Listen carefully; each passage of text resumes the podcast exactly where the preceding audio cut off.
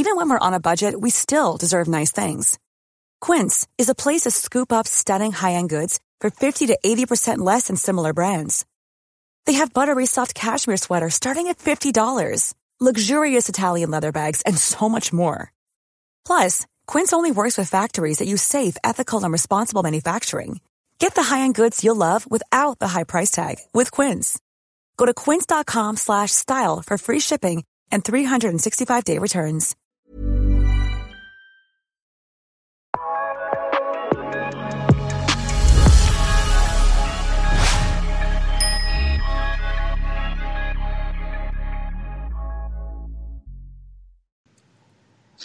Hej alla ute i eh, innebandy-Sverige och var ni nu finns någonstans. Eh, det här är tredje avsnittet av eh, den här innebandypodden. Och idag har jag nöjet att ha med mig två väldigt intressanta personer. Jag ser jättemycket fram emot att prata mycket innebandy åt alla håll. Jag har dels Emil Johansson som är världens bästa innebandyspelare. Och även Sveriges bästa innebandyspelare. Och så har vi Håkan som är eh, en av världens bästa domare och har varit det under väldigt många år. Eh, Så att eh, välkommen till eh, min lilla podd. Tack ska du ha. Ja, Ja, tack, tack. ja. Hur, är, hur är läget? Oj vad ni... Jag tycker det är bra. Ja. Eh, det funkar bra. Det är ingen försäsong just nu så lugnt och skönt faktiskt. Ja. Jag, jag har gjort väldigt ovanligt idag. Jag, jag bor i Göteborg och jag har faktiskt sprungit till Göteborg och eh, gjort några ärenden och sen sprungit hem. Så jag har faktiskt 22 kilometer idag och det. Ja. Så, så, så jag känner mig rätt matt eh, här nu och hade lite, hade lite teknikstrul här på en ganska lång tid här innan. Men, men jag känner mig jäkligt glad och att vi är igång här nu och ska prata. Vad Håkan, du ser på sociala medier. Du tränar rätt bra också. Ja, men jag tänker inte springa några 22 kilometer idag i alla fall. Men det är 10 tankar jag ska göra sen efter det här. Ja, Det vi måste hålla igång ju. Så vi orkar med. Så hänger med sådana som Emil när han springer. Han är snabb som fasiken. Det gäller att vara med. ja. Hur står det till med eh, de svenska domarna med, med flåset? Då? Vad... Ja, men alltså numera står det väldigt bra till kan jag säga. Det, det tycker jag. Det kan nog vara säga att det är eh, god fysisk status hos eh, i princip alla domare nu. Och det har väl inte varit så kanske genom alla år men eh, senaste åren så tycker jag det har blivit mycket, mycket, mycket bättre. Det är grymt bra. Det är roligt att se alla när vi har fystester och det är faktiskt det är skoj. Jag tänker på eh, domartröjorna. De är ju rätt avslöjande också. Eh, har de varit de senaste åren här? Vad, känner man Ja, men- trycket att eh, leverera? Från tröjan? Ja? Känner du trycket från tröjan menar du? Nej men att Nej, den rätt häng Ja, på men det är klart. Det ska ju, alltså, som domare, det handlar ju om att, det ska ju se bra ut med, alltså utåt sett en, en tränad domare eller en otränad domare. Så, är, så enkelt är det ju. Det är ju faktum. Jag tror jag, sådana som Emil i Falun med tänker på om det skulle rulla in någon istället för gå in någon. Om man säger så. Det är klart det, det sänder en, en seriös signal kan man säga. Det skulle jag, vill jag nog säga. Helt klart, det gör det ju. Det är väl lite samma som hos spelare. Man ser om det som Håkans term rulla in någon eller joggar in så gör det skillnad vad man tänker som medspelare eller motspelare också. Så det jag tror det ligger säkert samma i som domare. Det, det är ju viktigt nu i grilltiden, eller hur Emil? Exakt. Men vad har ni? Finns det några krav? Är det någon kravbild i eh, för er att döma exempelvis SSL? Vad är det för löptester man ska klara av exempelvis? Vi har, eh, vi kör två olika test kan man säga. Vi har ett jojo-test. Det är där vi ska klara 16, nivå 16 ut, 16-8. Eh, och sen har du ett, antingen det eller så kan du springa ett Cooper-test på 3 km inom 13 minuter så ska du klara. Och det ska du klara annars är du ju nerpetad. Och det är klart det kräver, eh, är man inte 25 längre utan 25 plus så krävs det ju eh, som du säger att man är ute och, och tränar. Och det, det är alltid lite roligt att trimma på en del som inte är de som kommer ut och tränar genom att lägga upp på just sociala medier som du säger. Ja. Vad, eh, för de som inte förstår, alltså man springer på, på en friidrottsbana då. Eh, ja, det är Cooper. Ja. Ja. Precis. Ja, precis. Ja, 400 meters bana, mm. 3000 meter är 7,5 varv på en 400. Så, ja. så är kilometer under 4,20 då får du ändå ligga på rätt bra. Ja. Så enkelt är det. Du behöver flå. Så ett jojo-test är för de som inte vet, de flesta brukar känna till gamla bipet. Där man springer 20 meter fram och tillbaka, fram och tillbaka. Där jojo är en förnyelse av det där man stannar och det går snabbare upp i tempo. Sen vilar man 10 sekunder mellan varje nivå. Så det, det är ju skillnad. Men det går snabbt upp i tempo. Ja. Så det kräver att man har flåset annars dör man till rätt snabbt kan man ju säga. Jag vet inte, Emil, du springer 19 eller 18-4 eller går det till eller någonting sånt där? Kan jag tänka mig. Nej, aldrig gjort jojo faktiskt men... Nej, det var tur det. Ja. Ja. Vad, vad kör ni för test i Falun eh, under säsong eller inför säsong? Eh, just rent konditionstest så är det BIP vi kör. Ja. Uh, och ha lite värden som vi ska hålla. Det är väl 14, nivå 14 som, som tränarna vill att vi ska komma upp i som lag. Ja. Uh, och vad uh, klarar du då? jag klarar fem, över 15 i alla fall. 15, 6 sist jag sprang, men nu var det ett tag sedan. Jag har haft lite strul med knäsenan så jag får sitta på cykel mycket. Men ja. annars, senast så var det Ja, det var... Ehm, ja, men det är häftigt. Det är ju... Ehm, det är väl Håkan Mild som uh, fotbollsspelaren här som... som det, det är en legendstatus kring hans uh, testresultat och sånt där. Men vad, generellt är det någon... är det någon som slår där då? i laget? Eh, ja, men det finns väl någon i alla fall. Galante ja. Karlström är faktiskt väldigt duktig på bittester. Bra, ja. stark, i, stark i spåret och så finns några till, men jag är väl där uppe i topp. Ja, man... Jag har ganska vältränat lag överlag. Så ja. Även, mål, även mål, målvakterna eller, eller brukar de sträcka sig och sånt eller på försäsongen? Är det... Är ren kanske inte den mest konditionsstarka målvakten, men eh, andra keepern Lilja han är nog i topp faktiskt. Han är i topp fem i, i gym och, och kondition så han är lite speciell för vår målvakt där faktiskt. Ja ja vad, ehm, eh, jag kan tänka mig att ni i Falun eh, ni kan väl inte äta vad ni vill heller som innebandyspelare? Eller hur, hur funkar det? Har ni någon, något där som gör, håller koll på er eller hur fungerar det? Eh, ja, vi har lite, haft, eh, börjat med i år i alla fall, lite invägning och fettprocent och liknande och fått hjälp med kost om man vill ha det. Eh, jag kan väl bara prata för mig själv så äter jag väl, tänker jag väl på vad jag äter några dagar innan match annars. Man måste ju leva livet också, känns det som. Äter man bra, då mår man bra, då presterar man bra. Så funkar jag i alla fall.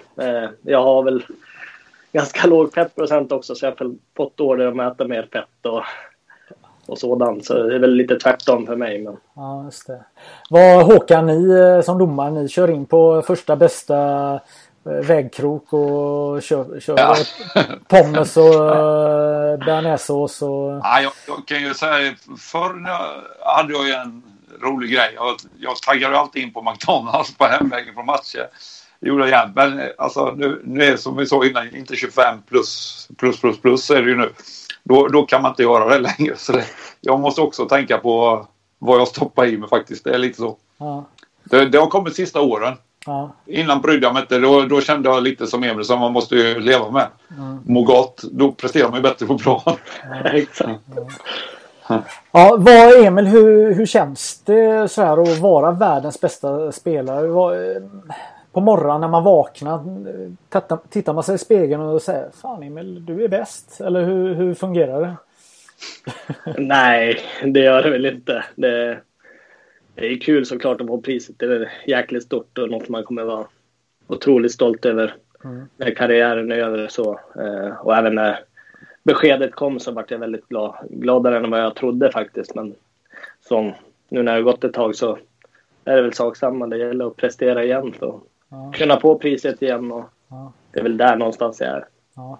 ja. men de här individuella priserna har ju verkligen eh, ramlat in här eh, för det här nu under den här säsongen och även lite tidigare. Vad, eh, hur, vad betyder det alltså som spelare? Får man självförtroende? Det måste man väl få eller fungerar det? Ja, så klart är det så. Eh, eh, och sen man vill ju få uppskattning för det man gör. Domare vill få uppskattning för det de gör och i ditt jobb med tidningen så vill du få uppskattning och positiv kritik för det du gör. Och, mm.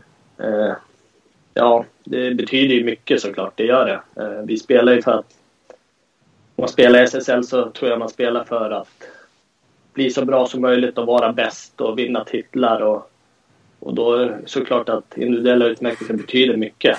Det gör, man lägger ner mycket tid och är borta från vänner och familj så det är klart att för att det ska vara mödan värd så är det skönt att få sådana individuella utmärkelser. Ja.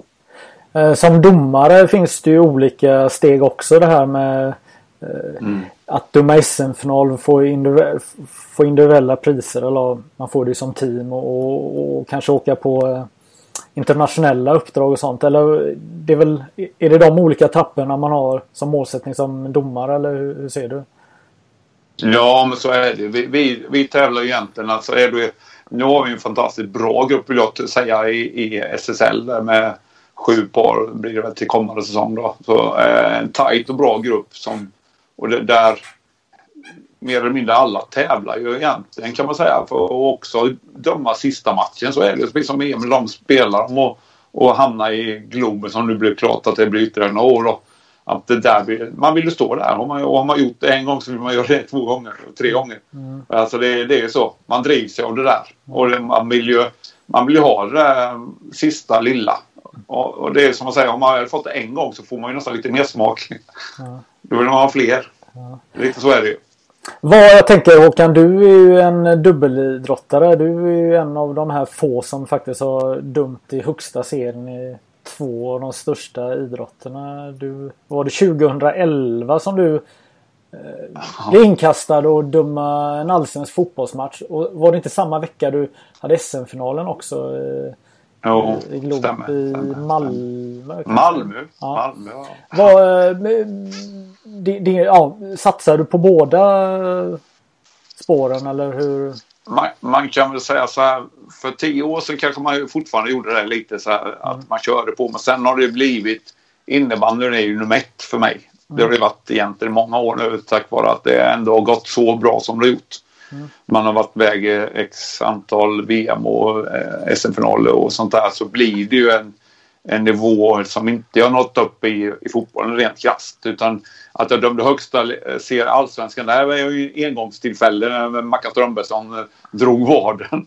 Så det är ju rent tur att man eh, stå, råkar stå som fjärdedomare och får göra det inhoppet. Tragiskt för Mackan att han skadade sig men för mig blev det ju en, en fantastisk upplevelse den, den kvällen om man säger va. Och den veckan ska vi väl säga då. Mm. Så det var ju, det är ju rent tillfälligt när du står som fjärdedomare. Jag har ändå gjort 150 matcher i Superettan och Allsvenskan som fjärdedomare. Så man, har ju, man får ju mycket rutin med sig från bägge idrotterna kan jag tycka.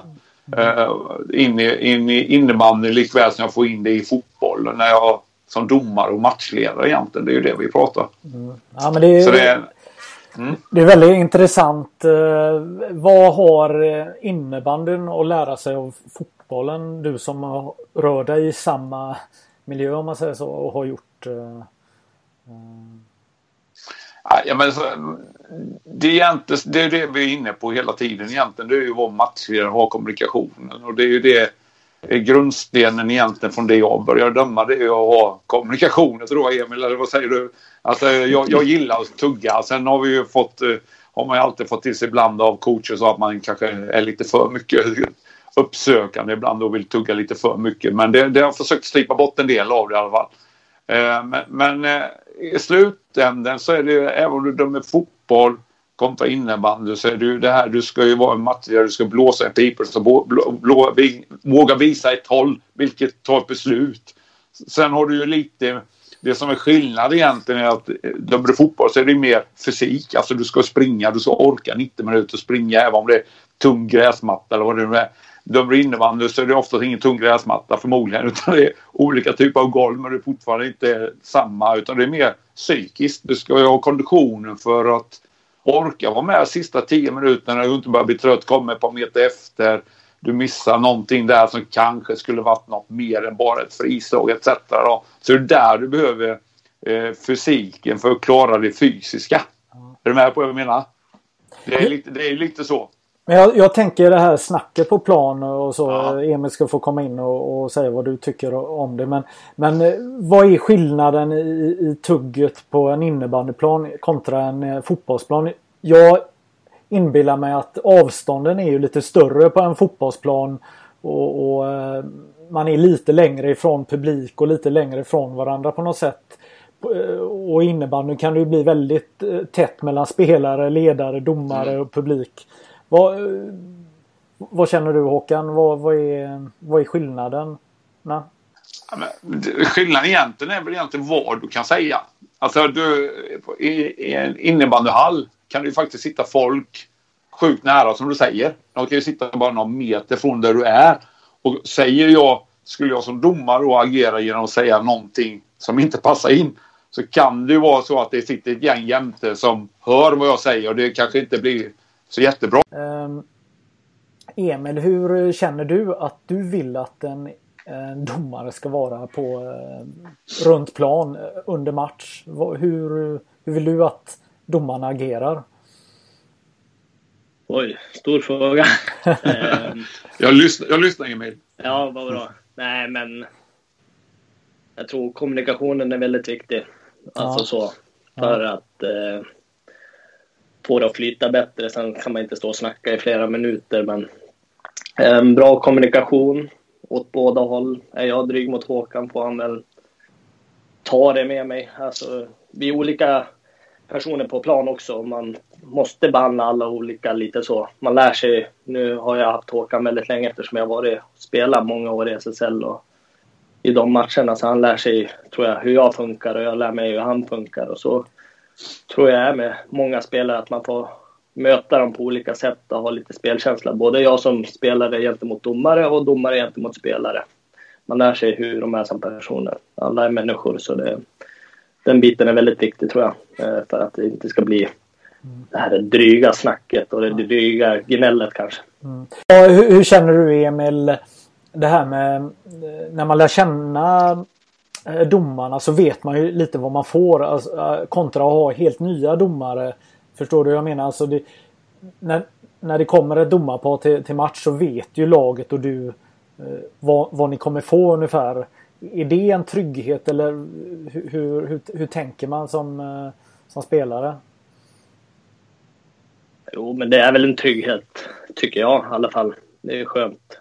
Ehm, även om det kan vara bra att få lite nya influenser även där också. Ehm, men överlag tycker jag det är skönt att ha, ha domare man känner igen, som man känner igen väl och ha, ha någon sorts relation med. Så att eh, jag tror man, man bygger upp ett förtroende, gör man inte, men man bygger upp en relation över säsongen och hur man har pratat med varandra, hur man, hur man lägger upp det. Så Ja. Hur, hur, känner du Håkan? Eh, egentligen samma fråga. Alltså lag som man känner till.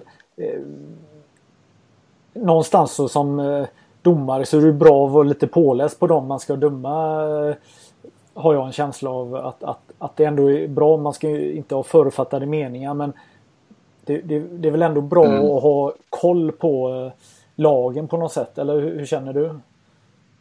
Jo, men så är det ju. Man, man har ju man, man, har rätt bra koll på laget. Däremot eh, skillnaden är det om man dömer, om vi tar Falun nu och så dömer det kommer ett nytt lag då, så kommer med nya spelare som du inte har dömt på samma sätt. När du väl är inne i situationen så kan jag ju säga jag kan ju säga namnet till Emil. Jag säger Emil. Det brukar jag nästan alltid göra tror jag. Men däremot kommer ett nytt lag och det är ett antal, det känner du igen ett antal, men det är ett antal du inte kan namnet på. Och så tänker jag, då blir det nummer istället. Mm. Och det där kan ju trigga igång det här tänket att du bedömer dem olika kontra de här nya. Mm. Fast man egentligen inte gör det. Du bedömer ju inte de olika i, i spelet. Sen, sen, eh, så, men just den biten är ju lite känslig just hur du benämner dem. Antingen tar du alla vid namn egentligen, men det, det är omöjligt. Eller så kör du nummer. Men det skulle nästan bli lite kränkande mot Emil om jag skulle säga hans nummer. Är du med? Mm. Alltså det, det, blir... Det där är lite... Det är svårt. Det är en liten situation som man kan hamna i när man varit länge då, om inte annat. Då. Ja. Har du tänkt på det som Håkan säger någon gång Emil att det faktiskt kan vara så? Hur domarna snackar med er? Att det är lite olika? Nej, egentligen inte så. Eh, jag gör ju samma sak om jag någon domare som inte jag vet namnet på, då blir det domaren. Men till de, de som man har haft länge så är det ju namn man säger antingen efternamn eller förnamn. Så, mm. eh, jag tror man någonstans får köpa det. Alltså, mm. så. Eh, som nytt lag också. Mm. Nej men som... Någonstans, ja. Är det, ja, någonstans är det nog de... Jag tror de, de nya lagen är de igen, som mer tänker på det. Mm. Och det är då det kommer det här att man gynnar kända lag eller kända spelare. Vilka du landslagsspelare kan du få eller vad det nu kan vara. Mm. Det, jag tror det är mer så. Jag tror inte det är den kriteriet som Emil då är landslagsspelare och så här tänker på det på samma sätt som de andra. Jag kan tänka mig att det är så i alla fall. Det är en gissning. Mm. Ja, men det är rätt. Eh, det är inget jag har tänkt på så. Nej. så. Nej, men jag, jag tycker att det låter ganska naturligt det ni båda säger på något sätt. Personer man eh, känner och haft kanske relation med i flera år och så blir det ju så eh, att man säger varandras namn och, den här biten. Mm. Men, men sen handlar det också om eh, att det är ändå dom, matchledaren då, domaren är ju väldigt viktig i våran sport och, och ju mer domaren kan läsa av spelet, jag menar kommer det en Zorro-kille eller kommer det en, en dribbler eller Alltså det är ju ändå bra för både spelarna och domarna om domaren vet ungefär vad, vad som brukar hända. Jag menar eh, det som är, kan vara läskigt när man, eh, när man dömer eller möter ett helt nytt lag det är att man inte har någon koll vem som Ja, nu använder jag just Zorro men, men eh, som ett exempel då men eh, för sådana saker vill man ju snabbt Eh, som lag veta om om man möter ett eh, lag att ja men de har en sån, de har en skytt, de har alltså man, man vill på något sätt ha den här överblicken då. Eh, det är självklart att spelar man i IBF Falun så så är man ju bättre mästare och de som utmanar och väldigt profilerade. Så där är det ju inga supernyheter men det är ju en annan sak för att vara en nykomling. Det kan ju vara tufft. Mm. Eh, ja, jag kan säga alltså så möta, om man tar exempel, att möta Storvreta och möta Rudd kan ibland vara skönare än att möta någon som vi mötte i år i Visby som man inte haft koll på alls. I alla fall första matchen när man möter dem. Man vet, som, som du säger, man vet, vet, inte vad de gör och det kan hända lite olika saker. Man är lite vanemänniska som innan man är spelare. Man gör ungefär samma saker på plan, även om man kan förändra sig på så sätt. Men det händer ungefär lika saker och då kan det vara svårare tycker jag. Ibland vissa matcher och möta nya spelare som man inte mm. alls haft koll på. Men som kanske inte är på samma kaliber om vi tar Rudsson som exempel. Så. Ja. Vad, jo, jag har faktiskt fått det första läsarbrevet här. Det är en kille som heter eh, Mattias och han bor i Halland här. Hej Magnus! Eh, skulle du kunna fråga domaren vad som hände i SM-finalen 2011 där? Jag, jag, jag gjorde två straffar varav en i, eh, i sadden där som blev avblåst. Jaha, det är han. Det är han som eh, drog den bakåt. Ja, eh, för er som inte det, har hängt med ja. då. Det, det, finns en kille som heter Mattias Bult Larsson då som eh, spelar i Varberg. Det var en match ja. som var väldigt speciell och som gick till straffar. Och Håkan mm. var en av domarna som dömde den här matchen. råkade vara på plats. Mm. Vad, vad hände där? Uh, egentligen, alltså vi var ju inne i straffläggningen, Varberg Storvreta. Uh, eh, Bult drar, uh, jag står ju på hans forehandsida ska vi tänka här nu va. Och Johan står på bäckensidan egentligen. Han drar sin bäcken tror jag mot Johan snett bakåt och det syns rätt tydligt på tv-bilderna. Men för en fråga Bult så gör det inte det tror jag. Men eh, eh det, just i det läget där och då så uppfattar inte jag den. Så, men Johan tar ju beslutet, och dömer bort den. Och eh, Varberg får ju... De förlorar väl inte på den tror jag utan det var någon näst, Storvreta satte sin nästa eller vad det var eller någonting i den stilen va. Ja. Så, men han drog ju den definitivt bakåt sen när vi tittade på tv-bilderna fick vi det bekräftat. det var ju, det var ju lite sådär, det är ju ändå så, det är, han, vi handlar om tiondelar när du gör beslut och hundradelar nästan kan man säga ibland va, där du ska ta ett beslut. Mm. Och straffläggningen är, är ju ett, ett sånt beslut du måste ta just det här. Men nu har, vi, nu har vi gjort det lättare för oss. Den straffen idag hade ju varit godkänd. Mm. Han var ju på väg framåt. Alltså då hade vi haft ett, eh, ett scenario där hade han gjort den i år då så hade den varit okej. Okay. Men 2011 var den inte okej. Okay. Sen ser man ju på tv-bilderna efteråt att vi har ju målområdeslinjen yttre att jämföra med. Och där ser man ju att han rätt tydligt drar, du får inte dra den sidled utan han drar den ju tydligt bakåt.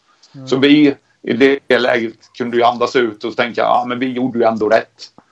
Så, så enkelt är det ju. Det hade varit jobbigt om det varit rätt emot ja, säga. Ja. ja. men man ser ju på uh, tv-bilden uh, så är ju faktiskt du med i bild precis när beslutet ja, tas. Och, och uh, ja, du, du följer ju med vad, vad, vad, Johan gör där. Men, men den situationen som uppstår den är ju ändå den är, den är olustig för alla. Spelare, mm, mm. domarna oavsett om man dömer rätt eller fel. Eh, men vad känner du eh, Emil om den här nya straffregeln som, som, eh, som har kommit in i innebandyn? Det här med att dra bollen bakåt och vad känner du som spelare? Uh, om det är bättre för domarna så tycker jag det är bra. Det är väl där någonstans det är enklare dem om det, jag vet inte om det är enklare men om det blir enklare för dem att läsa av om det är bakåt eller inte så tycker jag det är bra. Annars är det väl inte bra. Det är rent krasst så. Vad känner du Håkan? Har det blivit lättare? Eh, när, när ja, här... det, ja, tydligare. Alltså det är egentligen tydligare. Innan var det ju, innan pratade vi, vi pratade egentligen att vi, vi snackar millimetergrejer egentligen. Man ska uppfatta Vi vet ju, vi hade ju vi har haft ett antal klipp sista åren där det är någon har filmat från läktaren och man, ja men den dras ju inte bakåt och så domaren har dömt bort den eller tvärt emot då. Oftast är det ju att den blir bortdömd, det är då det kommer på tapeten. Mm. Att oj, nu är det någon som har filmat från läktaren som visar sig, nej men den var ju aldrig bakåt. Mm. Och det, det där är ju sjukt tråkigt men nu har du inte hört egentligen någonting om det här sen eh, regeln ändrades. Och då har det liksom inte, det har inte blivit det samma, det är inte samma fokus längre. Det, det är ju samma sak om du, du pratade Zorro innan. innan. Innan kunde du knappt göra en Zorro för du drog den i skopan lite bakåt. Som när du vände runt. Det är inte många som klarar att göra Zorron fortfarande föra bollen framåt. Nej. Men nu kan du göra så, så länge du är på väg framåt så är det ju inga problem. Så det, det är definitivt betydligt lättare för oss domare. Mm. Det är det. Mm. Jag, jag reagerade, alltså inte negativt men när du eh, ja. berättar här och säger ja men vi hade i alla fall rätt. Och, och, och det, det men det, det, är ju det som är det problemet i den här situationen att, att eh, någonstans så eh, eh, det var antagligen rätt beslut. Men det är ju väldigt svårt att vara bombsäker på det när det händer. Sen när man sitter med en tv-kamera och rör den fram och tillbaka, fram och tillbaka så kan man ju se att, att, eh, att, att det är rätt då. Men, men ja, det... det, det, det ja. Ja, jag tänkte säga, man, man vill, en sån situation är ju det är som man inte vill ha. Man vill ju ha, eh, vi har ju, de har ju haft förmånen att få döma x antal SM-finaler och det är visst det är, det är en enskild match. Vi pratar om eh, spelare som kan göra felaktiga beslut eller någonting. Men då så man tänker att vi står där två stycken inför allt från 10 000 till eh, Tele2 Arena där vi var över 18 000 då. Mm. Där man gör eh, bedömningar hela tiden där och då. Vi har inga tv-bilder att titta på utan man ska göra den här snabba bedömningen. Rätt eller fel. Jag har ju den Förutom den då kan vi ta en annan episod som också är från SF-finalen just i Tele2 Arena. Där hade ju TV2 som sände då va? Var inte de gick, gick över till den kanalen? Mm. De hade ju en kamera som gick i, i taket. Kommer du ihåg det? Ja, just det. Mm. Det var ett visst mål där. Det visst målvakt i, i ett Uppsala-lag hade skjutit, flyttat målet en, en 25 centimeter ungefär. Eh, någon Linköping-spelare lyfte ju bollen förbi målvakten från Uppsala. Mr Klintsten där alltså och eh, in i mål. Ja. Och jag dömer i mål. Just där det. Klintsten är den egentligen som verkligen reagerat. Den har inte gått över målmarkeringar. Och eh, just där och då så tänker jag inte så jättemycket på det. Nej. Men sen visar det sig när man ser tv-bilden upp. Han hade gått efter marken, har man ju tydligt sett det. Då det skulle det inte vara mål. Ej korrekt mål. Sen ser man ju tv-bilderna. Där syns den här kameran att den går ju faktiskt nästan 10 centimeter säkert bredvid målmarkeringarna i golvet och då skulle det inte vara mål. Nej. Men nu blir det så Uppsala-laget vann ju finalen till slut ändå så det är ingen som påverkar. Men det är ju det är så här, man grämer sig när det blir en sån enskild. Hade det varit en serielunk så ingen jäkel som hade tänkt på en sån här grej. Den liksom ingen fattar. Men där har vi en, den enskilda matchen, stor match. Där vill man inte ha såna. Man vill inte det. Inte som domare. Man vill gå därifrån efteråt kunna sätta sig i domarrummet andas ut. Hur fasen vad roligt vi hade idag. Gott det gick. Härlig känsla. Mm. Man har, ibland, det kommer sådana situationer ibland och det är bara man får skaka av sig dem. Mm. Diskutera med sådana som Emil, kaptenen, sen efteråt. Ja, ibland, ibland har vi tyvärr fel. Det händer. Ja.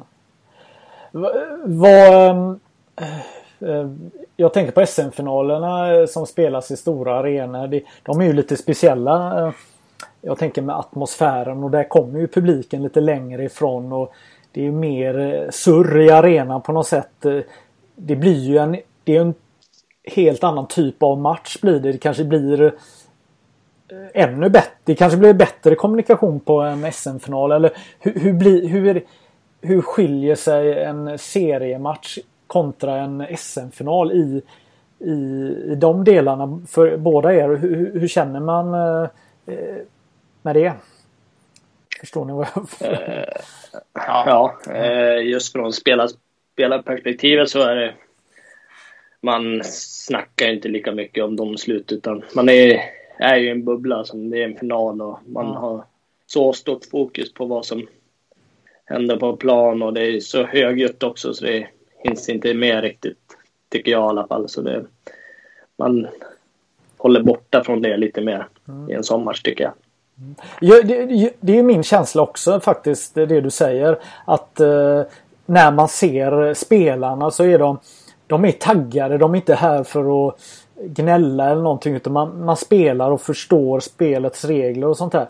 Jag har några gånger upplevt, eh, nu är det här kritik? Eh, ja, det är det kanske delvis men att vissa domare är så jäkla taggade. Ja, vi har fått SM-finalen. Nu jäklar! Och, och så är man övertaggad och, och, och så är man nästan här uppe och spelarna är där de ska vara. Och det är möjligt att, att, att domarna kommer ner i det men eh, jag har upplevt just den delen när du skrattar lite. Kan, kan det stämma något Håkan? Eller? Ah, jag tänker, nu har jag haft förmånen som sagt att döma rätt många från Jag vet inte om det är mig du syftar på men... Ja. det, nej, ja, men, men det är klart man kommer in i en annan eh, mode där med, men jag tycker ändå på något sätt det räcker att köra igång matchen. Jag tycker det är bara jag är lite eh, felskapt där kanske just att jag tycker det är en jäkla morot. Jag blir inte speciellt nervös att gå ut i de här matcherna. Jag tycker det, det är ändå mitt jobb ja. att gå ut där och göra det här jobbet. Och sen är det ju så på något sätt när du väl kör igång matchen med så du har atmosfären och stämning som är ofta magisk då. Så, men det, någonstans går du in i det här att nu är det de här 40-20 vi ska in och jobba på liksom. Det är ju det. Och sen kan jag väl hålla med Emil att de spelarna där har ju, är nog mer än domarna att de verkligen går in i sin mode för det är så sjukt viktigt. Det är jätteskillnad. Du kan, det är skillnad från en semifinal till en final. Just det att det är en enskild match. Jag kan inte ha samma tugg med om nu Emil är kapten eller om det är Rasmus då, eller som blir kapten. Det vet man ju inte från gång till gång. Så det, eh, man kan inte ha samma tugg i en SM-final som du kan räkna Du kan inte räkna med det utan då är det bättre att man inställer sig domare på att jag får koppla bort den biten lite så kör vi vi kör domar, mer domarvarianten egentligen och en kommunikationsvariant. Så det kan bli till och med en semifinal. Mm. Men hur funkar det? Pratar ni med laget innan? Jag menar om du dömer en SM-final. Pratar du eh, om Emil i lag, eh, Pratar ni innan med lagkaptenen eller på något sätt? Eller hur, fungerar det? Eller? Gör vi det Emil? Inte mycket va? Ja, nej. Vi, vi... Inget officiellt i alla fall? Nej. Nej. Nej. nej. Nej. men jag, jag, det gör vi nog inte. Utan vi, vi vet det som vi, vi var inne på innan. Vi, alltså, någonstans har du kommit dit så har du haft dem på vägen. Mm. Alltså du har haft ja. det, det. skulle vara väldigt uh, udda situationer eller någonting som man kanske behöver, skulle behöva lufta lite snabbt då innan man går in på en SM-final eller någonting. Och då gäller ju bägge lagen. Men det är annars så, så känner man inför sån att det är fokus på uppgiften. Kan jag tycka. Och jag tror det gäller lagen med. De vill inte ha... De, de känner de som dömer en SM-final. Om det är Andersson Wissman eller Boström Söderman eller om det är Jason Nilsson eller vem det nu skulle vara då. Så eh, liksom, de vet. Ja, men det är de som dömer idag. Vi, vi behöver inte... Utan vi, vi hälsar mer eller mindre bara lycka till nu kör vi gubbar. Liksom, ungefär. Uh, SM-final. Uh hur är det att spela en SM-final tycker du Emil? Det är mycket som, som är skillnad mot en vanlig seriematch. Det är ganska långt till, äh, till omklädningsrummen. Äh, det är lång väg dit och tillbaka. Lite mer att reflektera över. Och, och äh, ja, det är en annan atmosfär. Hur, hur påverkar det att spela en sån match? Det som påverkar mest är ju att det betyder så mycket och att det är en match i en semifinal har man ju råd att kanske torska en match och klara sig vidare ändå. Men det är så mycket som står på spel och det är 60 minuter och ett misstag kan fälla avgörande hit och dit. Eh, en prestation som är dålig, om jag gör det i vårt lag kan det betyda att vi kanske inte tar det där guldet. Så det, det är pressen. Men egentligen annars tycker jag det är ganska lika just eh, att det blir en annan fokusnivå. Men det är ändå bara en match som, som ska spelas och det är innebandy som ska spelas. Och det, ja. hur, nu har man ju fått rutin på det. Ja, hur, hur, hur gör man för att inte hamna i någon form av fälla där man blir passiv och, och inte rädd men alltså att man, man, man inte tar de här initiativen, vågar inte att, att man, eh, man är rädd att, att misslyckas. Eh, Ja. Eh, jag vet inte om jag, jag kan ju bara prata för mig själv. Jag är inte rädd för att misslyckas så, men det är klart man kan bli passiv och försvara någonting. Eh, och, och det i slutändan kan leda till att det eh, inte går så bra i matchen. Eh, hur man inte ska handla där, det är ju...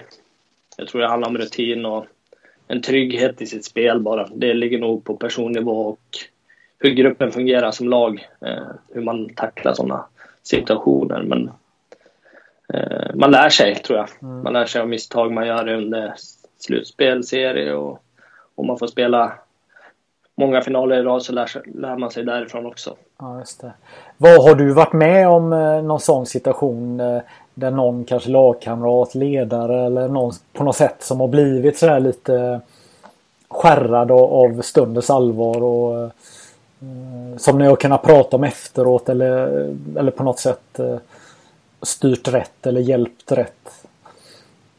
Nej, men det var egentligen eh, senaste finalen så hade vi en ganska bra ledning i andra perioden och blev lite passiva försvarare. Och då tog Storvreta över, så det är sådana saker man lär sig av. Eh, vi blev ja, lite fega kan man väl säga försökte försvara i ledningen istället för att pumpa på och gav, gav över initiativet till Storvreta just i den finalen tycker jag. Mm. Och det har vi pratat om också. Och mm. Sånt eh, får man ju ta med sig som en lärdom och försöka mm. göra annorlunda. Men hur, hur blir det så? Det är ju inget, det är inget man vill eh, och så ser man att det händer eller kanske mer reflektera efteråt att jäklar det var ju så här, eh, varför blev det så här? Alltså vad, vad kan man göra egentligen? Eh, går det och ändra, alltså hur tar man sig ur eh, det? Ni lyckades ju inte vända tillbaka då.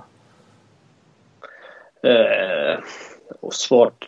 Ja, det är väl, ligger väl både hos, just där och då så jag tror jag det när man hamnar där i passivitet och momentet börjar falla över så är det väl antingen att någon spelare, någon formation eller en tränare tar tag i det och försöker ändra på det. Men annars tror jag det handlar mycket om att jobba med mentaliteten i laget. Det sitter nog där tror jag. Eh, Emil, om du får eh, bestämma, vad, vad vill du utveckla eh, i sporten? På regeltolkningar, på vad, vad är fel idag? Vad kan, eller vad kan bli bättre? Mer domslut med mig? Nej, Nej, vad tycker jag? Det, jag tycker mycket på plan, men inte så mycket jag reflekterar över här. Men just kommunikationen med eh, vissa. Nu får Håkan positiv kritik. Han är bra på att kommunicera. och Man får ryta till eh, och gnälla lite. Men eh, överlag tycker jag både vissa domare eh, att eh, kommunikationen bryts direkt utan att det har snackats någonting. Det gör mig i alla fall mer frustrerad och gör mig grinigare. Eh, hur menar du? Just... Eh, kan du förklara vad du menar? Eh, eh. Nej, men om jag vill ta någonting med något domslut. Eh, ibland kan jag vara lite helt ledare och då köper jag att man vispar bort mig sådär när jag är på väg fram. Men ibland kan det vara så att eh, det inte är någon kommunikation alls innan det ens har upptagits någon diskussion om domslut, att det bryts direkt. Och då tycker jag att eh, då blir jag frustrerad och det vet jag att eh, överlag att man, det blir frustration när det inte kommuniceras någonting och det inte kommuniceras om domsluten varför det blev som det blev. Sen kan man inte stå och snacka i en minut, det förstår jag, eh, om varje grej. Men jag tror det måste finnas lite i alla fall för att, eh, eh ja, för att det ska bli bra. Mm. Finns det någon eh, regeltolkning eller någonting i, i spelet som du skulle vilja se eh, förändras eller förbättras? Eh, om man bortser från just domarbiten. Uh,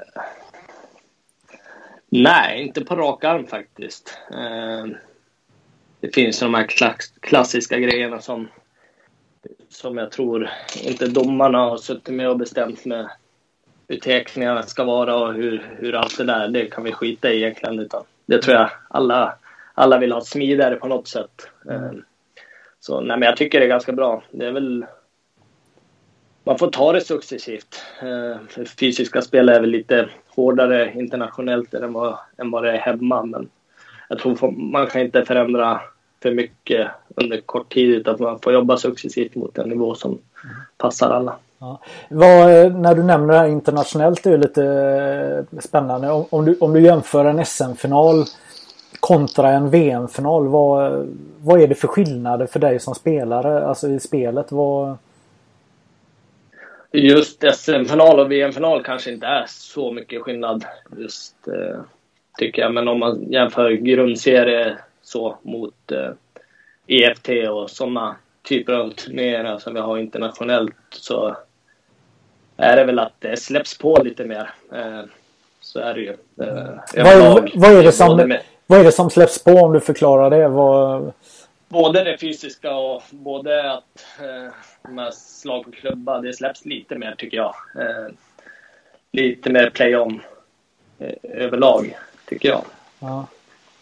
Vad säger du Håkan? Eh, Eh, är det mer play-on i, i internationell toppinnebandy?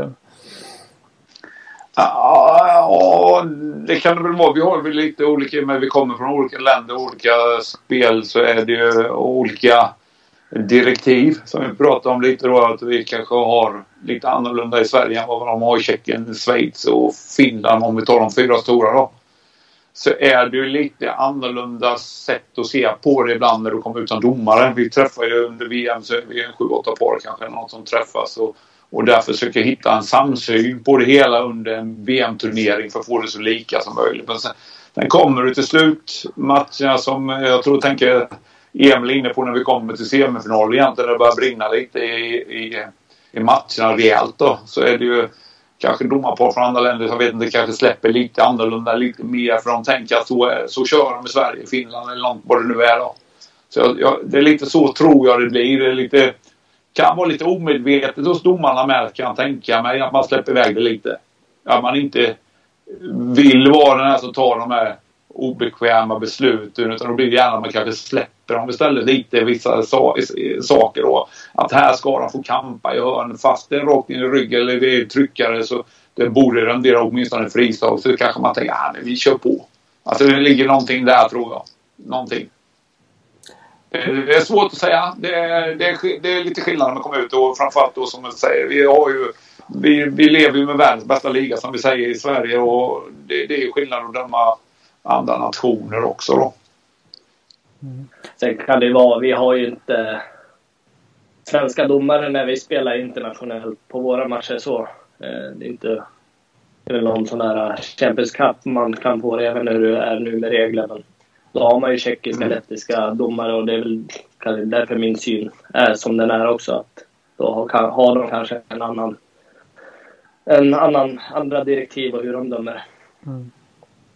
Men det är ju... Vi kan ju ta de här som säger Emil om vi går till VM-final senast så hade vi lettiska domare. Då får vi eh, där jag tycker de gör ett fantastiskt jobb. Man måste ju tänka på vilken förutsättning de kom in i en VM-turnering med. Alltså det är ju inte ens nära det, det vi kom in med i, om man tänker på vad de dömer i deras, sin vardag. Alltså det är ju, eh, ser ut de förutsättningarna så gör de ju det sjukt, sjukt bra. Det måste man ju säga. Mm. Precis, men vad, vad känner man som landslagsspelare i, i Sverige med det här att spelet släpps på internationellt? Tjänar svenskarna på det eller tjänar finnarna, Tjeckien, schweizarna på det när man möter Sverige? Eller, eller, eller får man anpassa sig till eh, situationen helt enkelt bara? Eller vad, vad känner du Emil? Ja, jag tror, jag tror, jo, men jag tror det är så. Man, man, man får anpassa sig. Mm det, det är ju lite annat spel kanske internationellt än vad vi spelar i SSL också. Det bidrar kanske till att det blir lite hårdare spel överlag. Eh, de alla, alla bästa spelare från alla länder är ju med också. Eh, nej, men man får anpassa sig helt enkelt. Jag vet inte om det gynnar någon speciellt heller utan det, det är väl att spelartyper kan komma fram bättre. Eh, rakt exempel är väl att Johannes Larsson som spelade med oss som... Han kanske var, kom ut bättre som spelare innan man nu spelar i, i landslaget än vad han gjorde hos Falun. För hans spelstil passar bättre internationellt så. Ja, så det är väl där med det kanske. Mm. Ja, men det, alltså som åskådare så tycker man ju faktiskt att en, en sån eh, match där det smäller på och är otroligt högt tempo. Det är ju väldigt attraktiv match. Det är väldigt kul att se på. Och, eh, vad, eh, hur, hur, hur går snacket eh, tänker jag kring det? Eh, för jag tror inte jag är ensam och tycka att, att det är ganska kul. Eh, det blir bra det blir bra produkt helt enkelt. Vad är era tankar om det jag säger? Ja, Emil, du får börja. Ja, eh, ja, det är klart det är kul när det smäller på. Eh, det beror ju lite på få det där tuffa spelet så behöver det vara... Jag tror det ligger lite hos både hos domarna och hitta en bra nivå och även hos spelare. Att hur spelar man tufft? Gör man det genom fasthållningar och, eller inte, då flyter inte spelet och det blir inte de 50-50 närkamper, axel mot axel, det smäller. Det är, jag tycker det är roligast det finns att springa ner mot ett hörn om man kollar mot den andra och båda satsar lika mycket. Eh, men någonstans är det hos oss spelare också att vad gör man för, för att det ska vara tufft? Eh, är det att köra någon i ryggen? Nej, utan tufft spel. Vad, vad betyder det? Och sen ligger domarna och sätta en bra nivå därifrån. Är det något man försöker kommunicera med eh, de internationella domarna? Precis det du nämner här att, att det är skillnad på precis det du sa. Eh,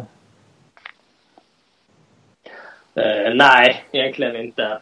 Det tycker jag inte. Nej.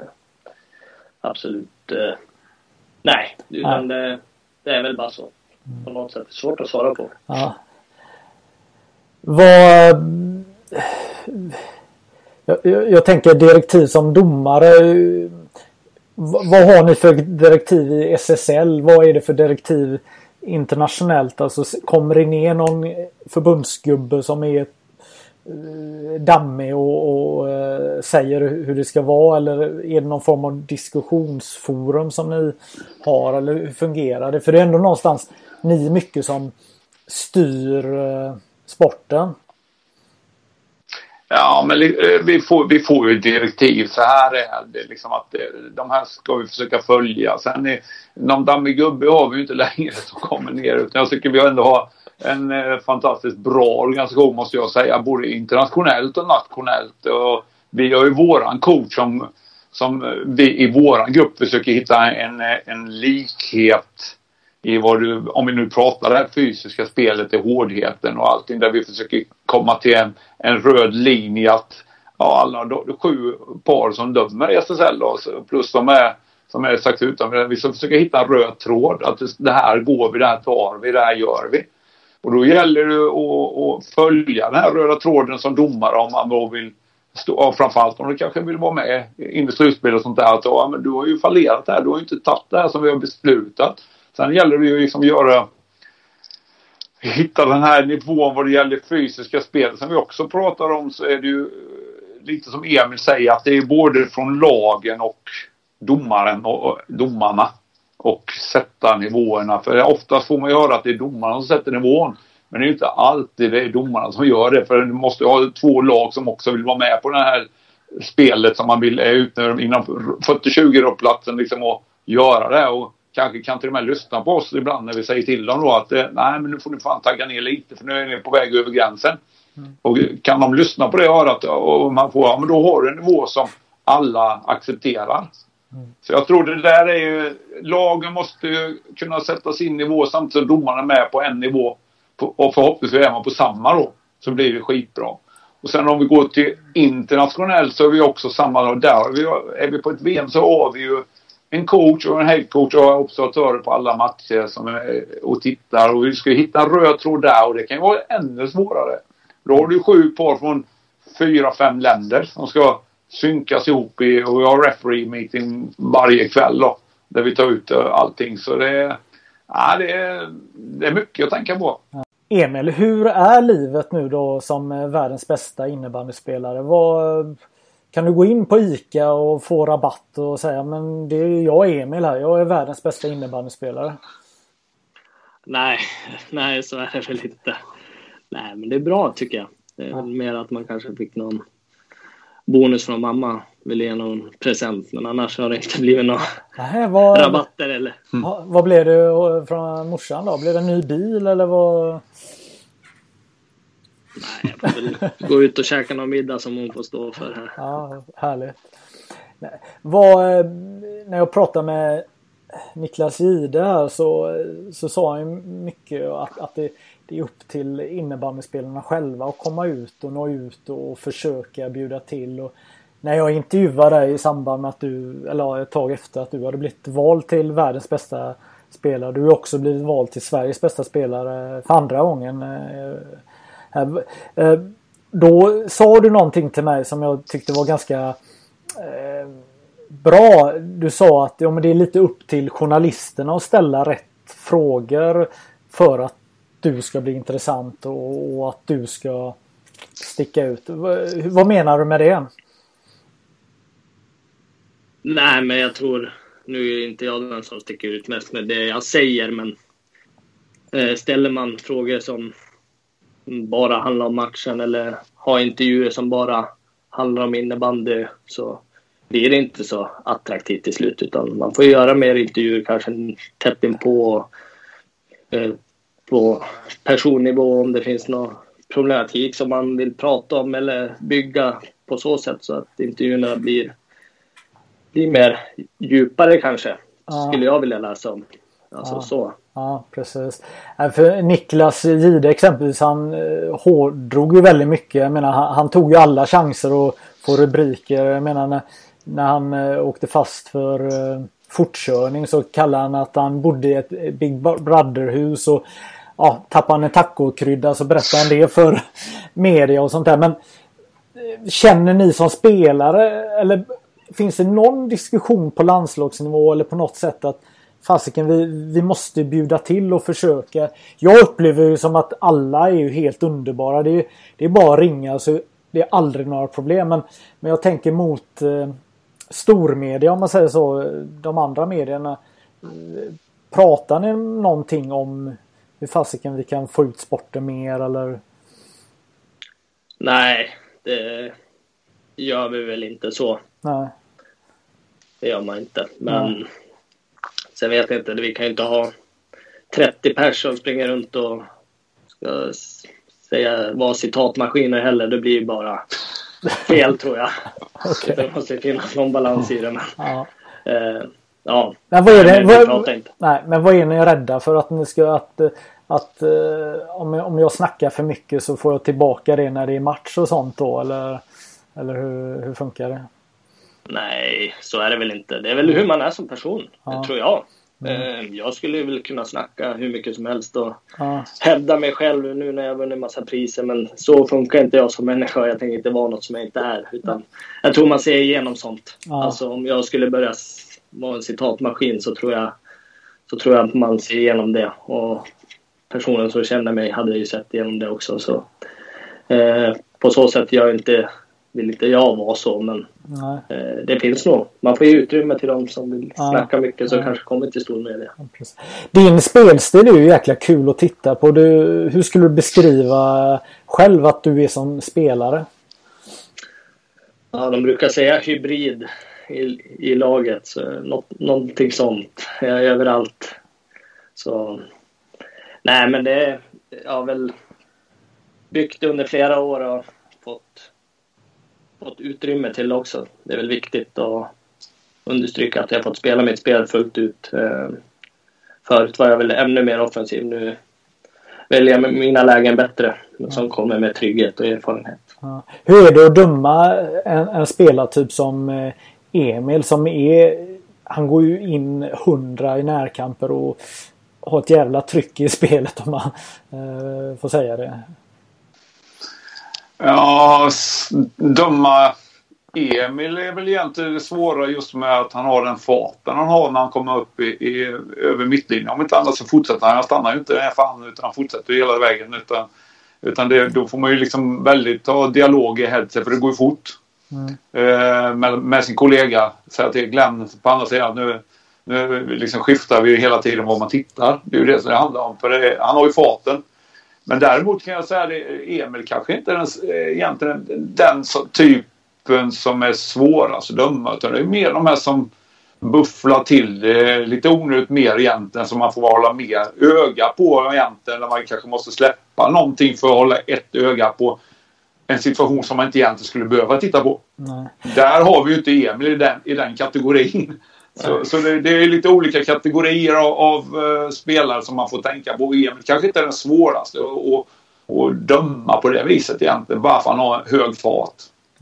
Vad, vad, känner ni om eh, det här med anmälningar till höger och vänster som blir efter videogranskningar och, och så blir någon avstängd en match eller sju matcher. Och, vad känner du som spelare Emil kring det som har ändå kommit till innebandy de senaste åren?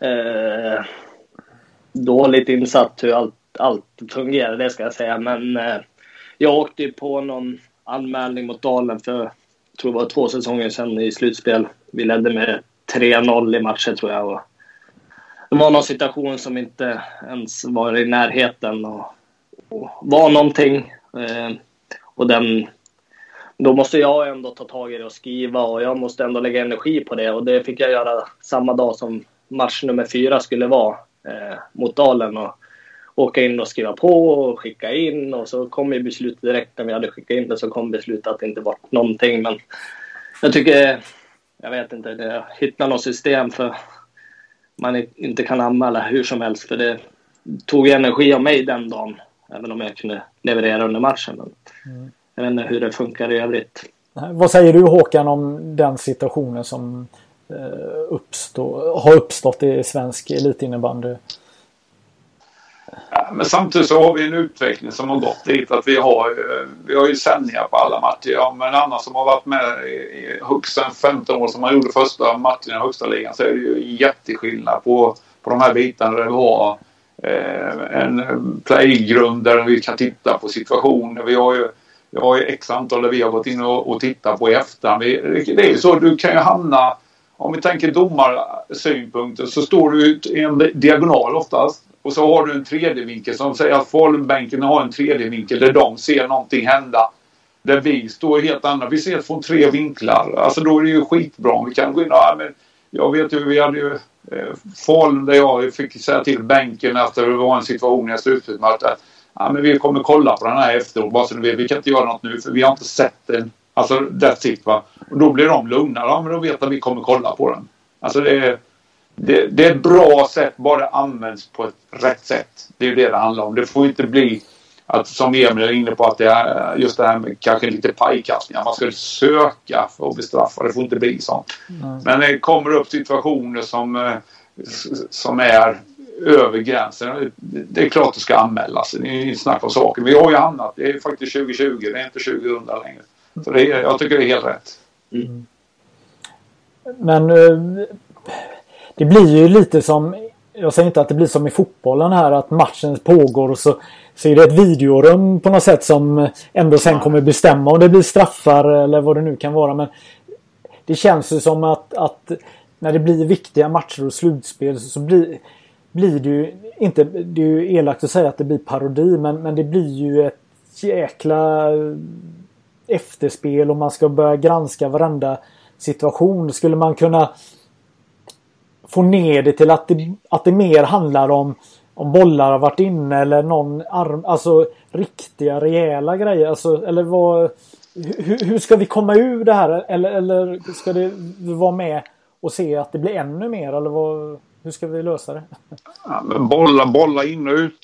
Då är vi ju inne på det vi hade i senaste VM där man kan titta på en boll in eller ute under matchen för att bedöma. Mm. Det var nästan lite VAR-system. Uh, och det hade man ju dam, både dam och herr-VM senast. Mm. Det är ju en sak. Det skulle man ju vilja ha. Det är något man skulle vilja ha på en SM-final som vi pratade om innan. Mm. Sen har du ju andra aspekter där du går över där det kom eh, ut mot matchstraff 3-hållet och grövre som inte domaren som har missat helt enkelt. Då tycker jag ändå det är korrekt att eh, för annars är vi tillbaka där vi var innan där det kom de här fulknepen vid sidan om som faktiskt försvann med tv-sändningar och eh, SSL Play. Det är ju det är ju det blivit på något sätt lättare kan man inte säga men det är ändå annorlunda att döma ett slutspel idag mot vad det var för bara 7-8 år sedan. Det är inte riktigt samma sak. Och det tror jag ändå har med de här tv-sändningar, webbsändningar. De vet att de gör jag någonting nu så kommer det synas på den här kameran. Det är någon som kommer granska det och då kanske jag missar två slutspelsmatcher eller vad det nu är. Jag tror spelarna ändå någonstans i bakhuvudet har det. Eh, rätt eller fel Emil, men jag, jag, tror någonstans att det är så. Eh, ja, det är väl rätt. Sen, jag tror folk tänker till. Jag är väl inte den spelaren som springer runt och söker sådana situationer heller. Men, eh, så jag har inte det i mitt mindset så. Men eh, absolut så tror jag det har minskat genom att det sänds så mycket och att man kan se vad som händer. Och sen tror jag, snappar det för någon i skallen så snappar det. Då skiter de väl fullständigt i att det filmas så är det också. Vad, Emil, hur, eh, hur, hur är situationen nu?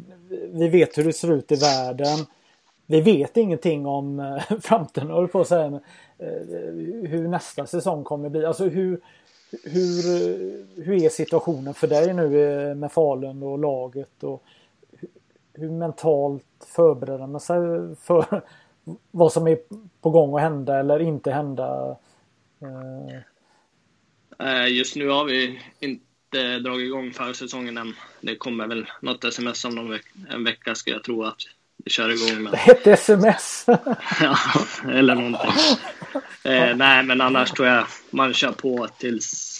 Eh, det brukar ju dra igång i september, va? Så det är väl det datum man har att förhålla sig till. Sen är det väl bra att om förbundet går ut med information att man eh, försöker i alla fall sikta mot det datumet så att det blir tydligt och bra. Eller att om man tar, kommer ut med information att det här, vi ska ta beslut om säsongen om man skjuter fram eller inte just vid det här datumet. Men bara att informationen är tydlig så tror jag inga konstigheter Nej. från laghåll. Så. Nej.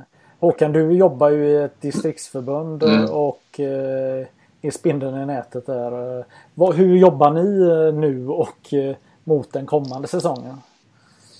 Ja, lite som Emil säger, vi, vi förutsätter att vi tänker att vi kan köra igång som det ska. På distriktet är vi inte samma kanske publiktänk som eh, SSL-lag som ändå har intäkter att tänka på rejält.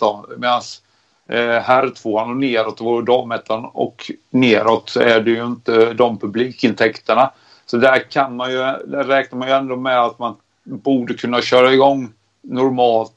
Kanske vi hamnar i ett läge där vi inte kan ha publik på våra matcher men vi kan ändå spela. Vi kan hålla på med våran idrott. Vi har ju ungdomsidrott jag håller på med har 650 lag på uh, ungdomssidan som ska uh, in i seriesystem och poolspelsystem. Så jag, jag har fullt upp och de kommer ju ändå komma igång på något sätt. Alla behöver vi i idrotten, så är det ju. Mm. Glenn och jag, vi, för, vi har ju kört igång våran försäsong även om inte Falun har gjort det. Så jag, peppar jag och Glenn varandra med lite bilder på träning och sånt nästan, nästan varje dag. Mm. Vem, så, vem ska du döma med framöver då?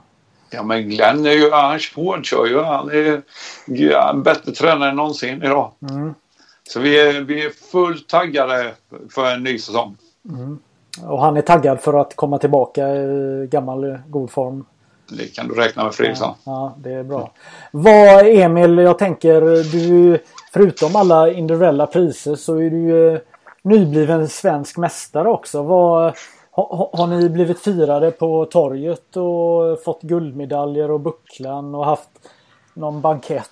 Och... Hur fungerar det? Nej, inget sånt alls faktiskt. Man hade velat spela om det såklart. Nu valde man att göra så på grund av rådande situation och då får man väl köpa det. Men det, har inte blivit något firande så direkt.